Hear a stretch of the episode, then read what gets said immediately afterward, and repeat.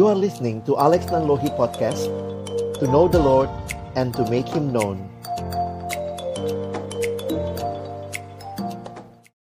Halo, shalom, selamat sore adik-adik sekalian. Shalom. Coba lambaikan tangannya dulu. Lambaikan tangannya yang bisa dengar suara. Oke. Nah, sore hari ini kita kumpul sama-sama merayakan ulang tahun siapa? Ada yang tahu? Ulang tahun siapa hari ini? Wah, Dede Ave bener ya. Nah, sama-sama juga kita sudah berkumpul dan sore hari ini saya manggilnya apa ya? Om ya. Ya, kita mau sama-sama dengar firman Tuhan. Hari ini Dede Ave ulang tahun yang keberapa? Ada yang tahu? Wah, yang pertama bener ya. Ayo, semua bilang dulu. Happy birthday Dede Ave. Satu, dua, iya. Happy Wah, terima kasih. Wah, ini semua sudah rame ya. Dede Ave-nya tuh lagi ngeliat tuh, ada tuh di situ ya, sama uh, papa dan mamanya. Ada Pak Ave, Ma Ave, shalom. Ya, kita bersyukur ya. Sore hari ini sama-sama kita boleh berkumpul dan kita merayakan ulang tahun dari adik Ave yang kita kasihi dan sama-sama kita mau lihat firman Tuhan ya. Kita mau lihat firman Tuhan. Coba yang nanti bisa lihat, bisa baca. Kalau sudah bisa baca ya nanti dibaca ya. Di dalam Injil Lukas pasal 2 ayat 40 dan ayat 52. Kita akan lihat dua ayat. Nah, mari kita lihat yang pertama, Lukas 2 ayat 40. Anak itu atau Yesus bertambah besar dan menjadi kuat, penuh hikmat dan kasih karunia Allah ada padanya. Lalu Lukas pasal 2 ayat 52 dan Yesus makin bertambah besar dan bertambah hikmatnya dan besarnya dan makin dikasihi oleh Allah dan manusia. Ini dua ayat yang mencatat tumbuh kembangnya Yesus. Di dalam Alkitab kita tidak banyak tahu masa kecilnya Yesus, tetapi dua ayat ini menjadi jembatan kita mengerti antara masa kanak-kanaknya Yesus dan ketika dia mulai melayani di dalam kehidupannya. Nah, jadi kita lihat sama-sama apa yang terjadi dalam diri Yesus. Kita lihat dalam Lukas pasal 2 ayat 52 secara khusus di dalam terjemahan yang lain dituliskan Yesus makin bertambah besar. Jadi ada di situ besar, lalu bijaksana dalam terjemahan yang lain dipakai kata arif, lalu dikasihi oleh Allah dan manusia. Nah, kita mau melihat sama-sama ini untuk papa mama dan juga buat adik-adik Bagaimana hidup Yesus waktu dia masih kecil? Apa yang terjadi pada diri Yesus? Alkitab mencatat Yesus mengalami pertumbuhan. Ah, kita siapa yang mau bertumbuh? Ayo, angkat tangan. Siapa yang mau bertumbuh? Ya, yeah, pintar semua ya. Kita mau tidak kecil terus. Kita harus bertumbuh ya. Tuhan Yesus juga bertumbuh. Alkitab mencatat Tuhan Yesus bertumbuh yang pertama, dia bertumbuh secara fisik, secara jasmani. Jadi lihat tadi kalimatnya Yesus tambah besar, ya. Yesus bertambah besarnya berarti secara fisik dia bertumbuh. Siapa yang mau bertumbuh badannya tambah besar angkat tangannya wah pintar ya. Jadi kita mesti rajin untuk makan. Mesti makan yang bergizi mesti makan sayuran supaya makin bertumbuh jadi besar. Tuhan Yesus juga begitu. Tuhan Yesus fisiknya bertumbuh. Bukan hanya fisiknya tapi juga dia bertumbuh secara mental. Di dalam Alkitab dikatakan tadi Yesus bertambah hikmatnya. Hikmat berarti karakternya dibicarakan di dalam Alkitab dia bertumbuh, bertambah di dalam mentalnya, ya. Lalu kemudian kita lihat juga bagaimana waktu umur 12 tahun Yesus ada di bait Allah. Dan kita melihat apa yang dikatakan tadi bahwa dia pun makin dikasihi Allah. Berarti Yesus juga bertumbuh secara rohani, secara spiritual. Dan bukan hanya itu. Dia makin dikasihi Allah dan juga dikasihi oleh sesama. Jadi Yesus juga bertumbuh secara sosial. Nah, untuk papa mama, saya rindukan agar ini menjadi fokus kita dalam membesarkan juga anak-anak kita. Ingat, bukan hanya satu aspek yang kita perhatikan. Kita harusnya memperhatikan semua aspek. Ada orang tua begitu serius dengan susu anaknya, tapi juga harus kita serius dengan bagaimana anak-anak kenal Tuhan sejak masa kecilnya.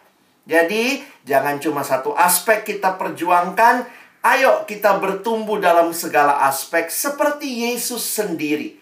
Ketika dia menjadi manusia, dia mengalami pertumbuhan dalam semua aspek kehidupan.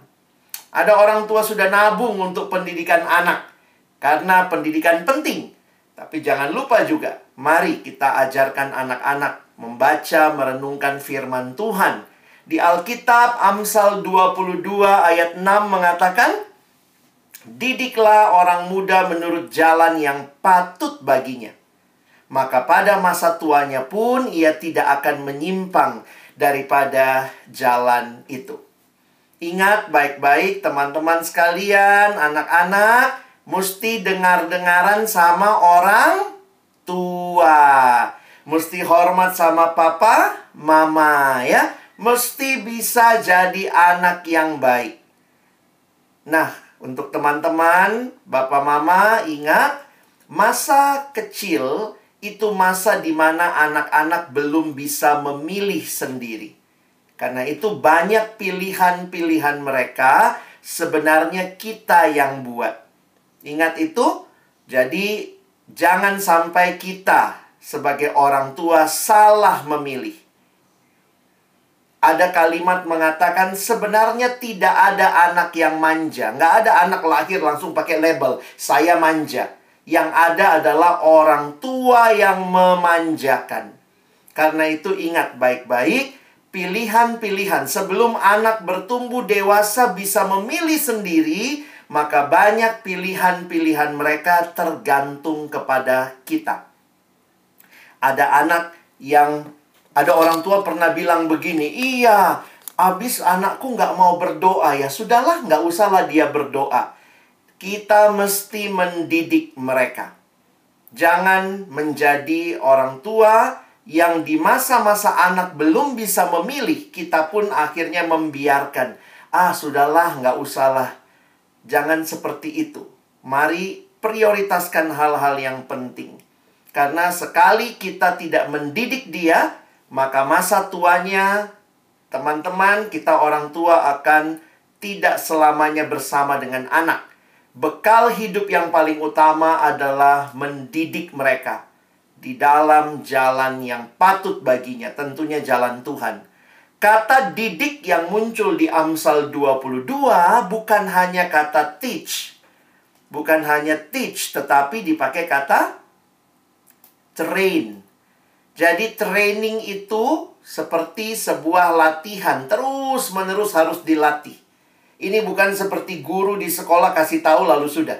Tapi traininglah anakmu, ya. Kalau nanti mereka sudah makin bertumbuh, biasakan mereka untuk membaca Alkitab, berdoa ya, seperti yang kita tahu waktu kita persekutuan ada yang namanya sebagai uh, ini namanya uh, ilustrasi roda. Hidup orang Kristen seperti roda, ada aspek vertikal hubungan dengan Allah, ada aspek horizontal hubungan dengan sesama.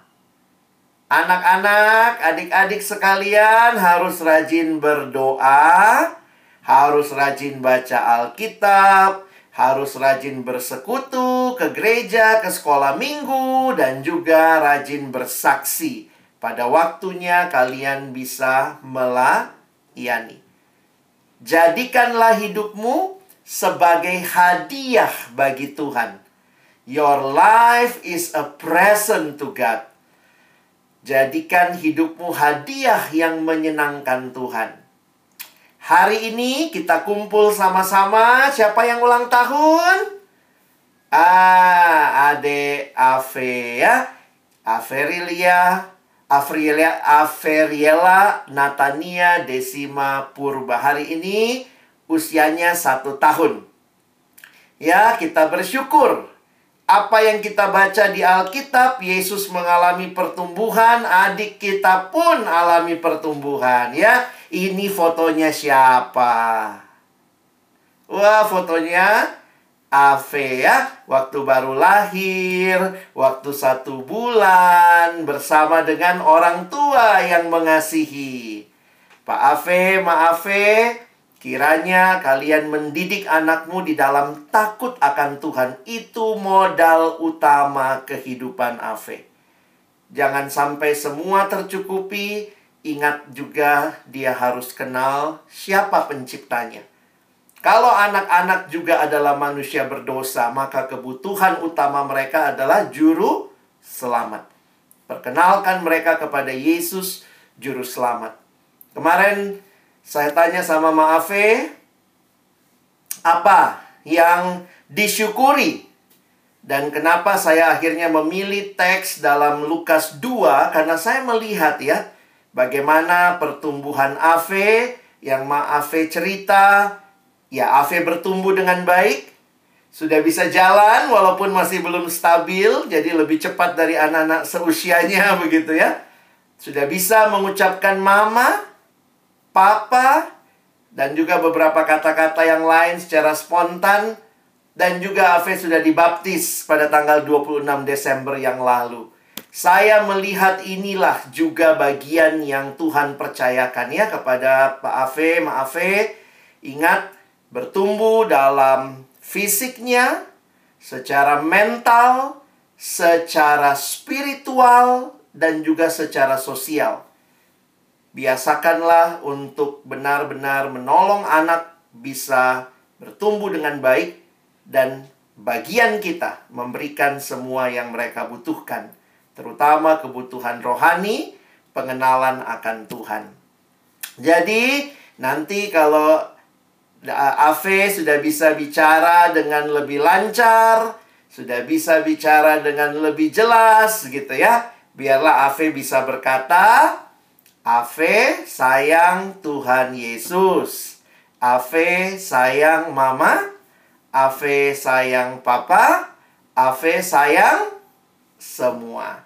Siapa yang sayang Tuhan Yesus? Angkat tangan. Adik-adik yang sayang Tuhan Yesus.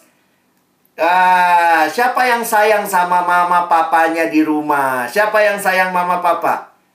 Oke ya, sayang juga sama semua sayang sama kakak, sama adik, sama teman. Kalau sudah sekolah, mesti sayang juga sama bapak ibu guru di sekolah. Dan juga cinta sama keluarga ya. Di rumah mungkin ada opung, sayang opung ya. Sayang mereka. Dan biarlah kamu hidup dalam takut akan Tuhan. Mari adik-adik kita bersyukur dan kita berdoa bersama. Tuhan Yesus, terima kasih kami boleh mendengar firman-Mu. Secara khusus bagi anak kami, Ave, terima kasih. Tuhan berikan pertumbuhan. Seperti Yesus yang bertumbuh, biarlah anak kami ini juga bertumbuh.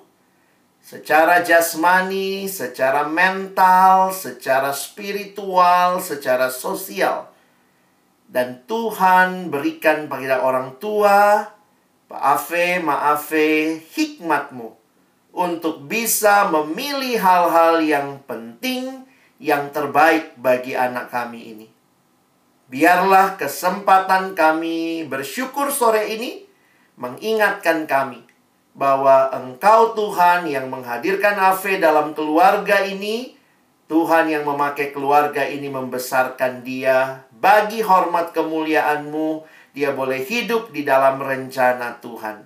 Terima kasih, kami bersyukur buat firman-Mu. Dalam nama Tuhan Yesus kami berdoa. Amin.